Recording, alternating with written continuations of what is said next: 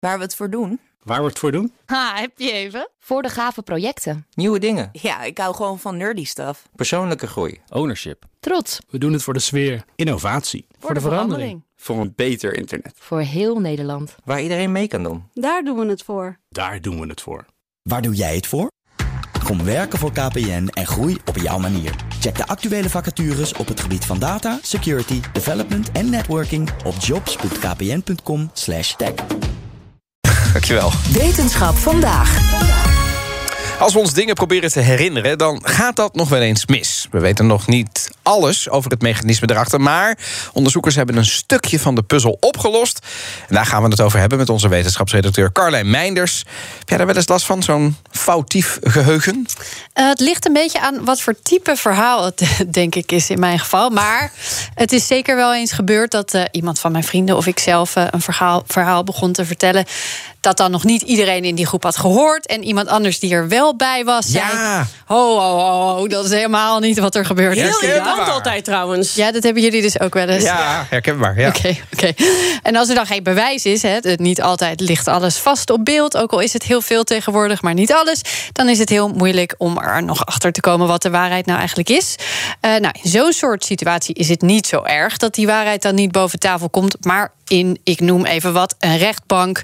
Of als je meteen na een voorval als getuige met de politie staat te praten, dan is dat natuurlijk wel heel belangrijk. Uh, nou is er dus al aardig wat onderzoek gedaan naar die valse herinneringen. We weten dat verrassing bijvoorbeeld er een rol bij speelt. Maar we weten nog lang niet alles over hoe het mechanisme werkt. En dus voegen wetenschappers van Duke University daar dit onderzoek aan toe. Een onderzoek waarin ze eens even lekker gespeeld hebben met de herinneringen van mensen. Ja, klinkt een beetje eng, manipulatief. Wat hebben ze nou precies gedaan? Uh, onderzoeker Ellie Sinclair vertelt meer over het experiment. So this was a three-day task. On day one, they just watched 70 short video clips. Each of these are full length at that point. That's a complete narrative. Um, they're about 30 seconds long. And then the next day, we brought them back and put them in the fMRI brain scanner. And then we showed them all the video clips again, but some of the videos were interrupted to create surprise. So they've already seen them before. They have a really strong expectation about what should happen in these narratives. And then sometimes we violate those expectations um, so it doesn't reach the conclusion that they think it will. Ja, dus die eerste keer dat de filmpjes werden bekeken, dat is eigenlijk het moment waarop de hersenen de herinnering vormen. Ja. Um, wat de hersenen daarnaast graag doen, is naast het leren van fouten en informatie bijstellen, is voorspellen. Dus de tweede keer dat die filmpjes worden bekeken, dan zijn die hersenen denken: oh ja, dit heb ik een keer gezien, dit heb ik al als herinnering. Ik weet ongeveer waar dit heen gaat. Dat is een hele sterke verwachting. Nou werden de helft van die filmpjes dus heel bruut gestopt, ook nog eens op een heel cruciaal moment in het verhaal. Bijvoorbeeld uh, vlak voordat de auto op de muur botste, bijvoorbeeld. Dat klopte dan totaal natuurlijk niet met wat de hersenen dachten dat er ging gebeuren. En die foutieve voorspelling, dat zijn hele belangrijke leermomenten eigenlijk voor de hersenen. Het is een seintje, ho, er klopt hier iets niet, pas aan, pas aan, pas aan. En is, het dan, is dat dan, dan niet juist beter voor de hersenen, dat ze dingen juist daardoor beter gaan onthouden? Het, ja, het, dat kan. Het is in ieder geval een opletmoment voor de hersenen. Er komen ook meer stofjes vrij, er gebeurt meer. En op dag drie van het experiment uh, werd de proefpersonen gevraagd om zoveel mogelijk herinneringen hè, over die filmpjes weer terug te halen. Dat lukte sommige mensen behoorlijk goed. Er waren ook een heleboel mensen die super serieus complete onzin herinneringen zaten te vertellen. Ja. Uh, overigens niet over de verhaallijnen. Hè. Het was elke keer best wel een sterk verhaaltje van 30 seconden. Daarover, zelfs als hij gestopt was, dan wisten ze nog wel hoe dat afliep. Maar hele andere details in het verhaal waren dan ineens helemaal veranderd. Alsof de hele herinnering eigenlijk een beetje in de war was gegooid, zeg maar. Zo bizar, ja. Uh, uh, zagen ze dat ook terug in de MRI-resultaten? Daarin zagen ze dat in de filmpjes met verrassingsonderbrekingen, zeg maar, de rol van de hippocampus veranderde. Dat is het hersengebied dat een rol speelt bij het vormen en terughalen van herinneringen. Werd zo'n filmpje ineens onderbroken, dan was dat hersengebied tijdens de onderbreking druk met opslaan en verwerken van herinneringen.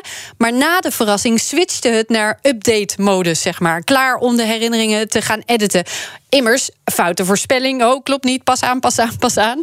Uh, en hoe meer uh, het hersengebied wisselde eigenlijk tussen die opslagmodus en edit-modus, hoe meer invloed dat had op de herinneringen van de proefpersonen. Ja, en hebben we hier ook wat aan? Uh, Sinclair vertelt dat we er zeker wat aan hebben en dat dat twee kanten heeft. Surprise creates the opportunity for change. It's like unbinding a memory, sort of opening it up so that change can occur. Um, but the fate of that memory depends on what comes next. So if you give good information, like you're correcting mistakes, say you're a student who got mistakes on an exam and you get feedback, um, then that feedback is what gets incorporated into memory and it's helpful. You learn from that better if it was surprising. Um, but conversely, if false information gets introduced afterwards, then that can be integrated into the memory and that can become a false memory. So surprise is really just sort of opening up Pandora's box. um, and what happens to the memory depends on the information that's supplied afterwards. Ja, het is dus eigenlijk een soort tool die je kunt gaan inzetten. Dus uh, verrassing in het onderwijs, als het op de juiste manier wordt gebruikt, kan helpen om beter te leren. Maar in het geval van ooggetuigen is het juist belangrijk dat er zo min mogelijk verrassing is op het moment dat iemand zich probeert te herinneren wat er is gebeurd. Want dat kan juist dan zorgen voor valse herinneringen. Dus stel Ja. je ondervraagt iemand. Ja, precies. Want ik weet dat dat gebeurt bij eh, het ondervragen van kinderen bij zedenmisdrijven bijvoorbeeld. Ja. Gebeurt uiterst precair om deze reden. Namelijk, als je er iets verkeerds in zou stoppen, dan zouden de hersenen van die kinderen dat kunnen gaan denken als: oh, maar dit is waar gebeurd. Dat is Waardoor waar. die hele ondervraging niet meer kan. Dat klopt. En, en hierbij hebben ze dus ook nog gezien dat dat verrassingselement, dus hoe verrassender het is wat erin wordt gebracht, hoe meer invloed dat kan hebben over, op, op het ontstaan eigenlijk van die valse herinneringen. Ja. Maar het is Ehm. ook best wel eng, eh, Carlijn. Want dit betekent dus dat je dus ook een valse herinnering kan primen in de hersens van iemand, alsof het echt is gebeurd, terwijl dat nooit heeft plaatsgevonden. Ja, je zou eh, met een goede mop bijvoorbeeld ook, eh, want die hebben altijd een mooi verrassend einde. Ken je die van. Nou, dat is wel hoe moppen werken, want je bouwt op naar Ja, iets. ja. Hè, de hersenen denken, oh, ik weet waar dit heen gaat. Ja, Het gaat die kant op. En dan pam, ineens gaat het een hele andere kant op. Toch vergeet ik de mop daarna altijd. Ja, maar misschien zijn dan wel andere herinneringen. Is dat gewoon de leeftijd? Dat kan ook. Of de drank, ik weet het niet. Misschien vind jij het gewoon niet zo verrassend. Wat, noem je haar nou een alcoholist? Gewoon in de wetenschapsrubriek? Nee, dat heb ik dus niet gezegd. Het is een hele zware dag, jongens.